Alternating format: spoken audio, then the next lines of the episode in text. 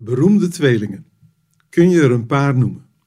Ik ben een groot voetbalfan, dus bij mij komen dan gelijk namen naar boven als René en Willy van der Kerkhof of Ronald en Frank de Boer. Tweelingen. Waarom deze insteek? Je kent misschien het verhaal over de spreekwoordelijke ongelovige Thomas, een van de leerlingen van Jezus. In Johannes 20 lees je dat hij ook te boek staat als Didymus. En dat woord betekent iets als tweeling. Het zou dus zomaar kunnen dat Thomas er een van een tweeling is geweest. Maar zijn tweelingbroer of zus worden verder niet genoemd in het evangelie. Maar waarom dan wel die opmerking dat hij er eentje van een tweeling is? Daar kom ik op terug. Laat ik eerst even het verhaal schetsen. Johannes vertelt in hoofdstuk 20 over de opstanding van Jezus. Er is verwarring en ongeloof.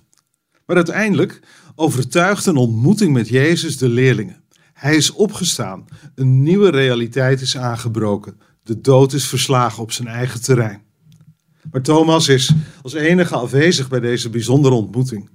Als zijn vrienden hem later vol enthousiasme vertellen over de opstanding van Jezus, kan hij er niets mee. Hij gelooft er niets van. Hij wil fysiek bewijs, de littekens zien en voelen. En anders blijft het een sprookje. Maar dan, een week later, op zondag. Thomas is gewoon bij zijn vrienden en opnieuw is Jezus op wonderlijke wijze aanwezig. En hij heeft speciaal aandacht voor Thomas. Let op, hij heeft aandacht voor Thomas. Geen scherp verwijt, geen veroordeling, maar hij komt dichtbij. Hier ben ik. Dit zijn de littekens. Raak me aan. Ook zo opvallend. De littekens blijven tastbaar. De opgestane Heer blijft de gekruisigde die geleden heeft en voor mensen in de bres sprong. Ergens raakt me dat best.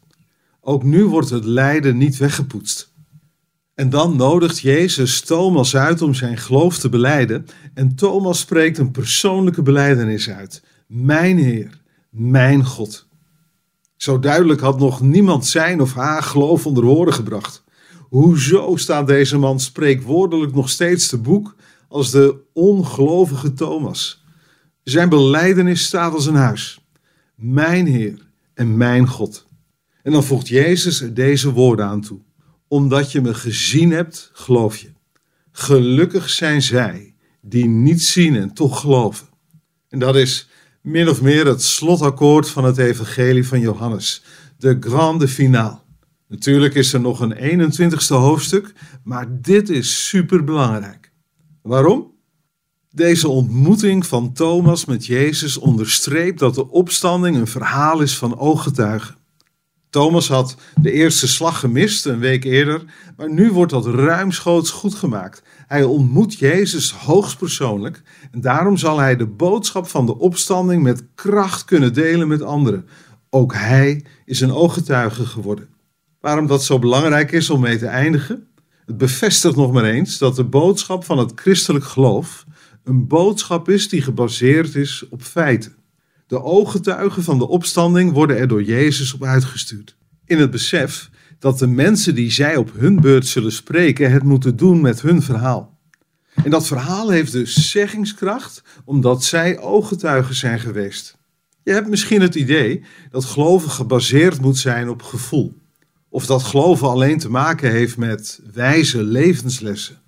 Nee dus, dit gaat een stap verder. Het verhaal van de opstanding is een verhaal van ooggetuigen die er eigenlijk geen raad mee wisten, totdat ze door de ontmoeting met Jezus zelf op een ander spoor kwamen. En met dat bewijs van ooggetuigen moeten wij het doen, zegt Jezus. Gelukkig zijn zij die niet zien en toch geloven. Het verhaal van Thomas daagt je uit om je ogen te openen voor de levende Heer, voor zijn boodschap van vergeving, liefde en hoop, zelfs dwars door de dood heen. Eerst zien en dan geloven wortelt eerst geloven en dan zien. Nou ja, hoe zit het dan met die tweelingen? Kwart voor negen hoor je er meer over.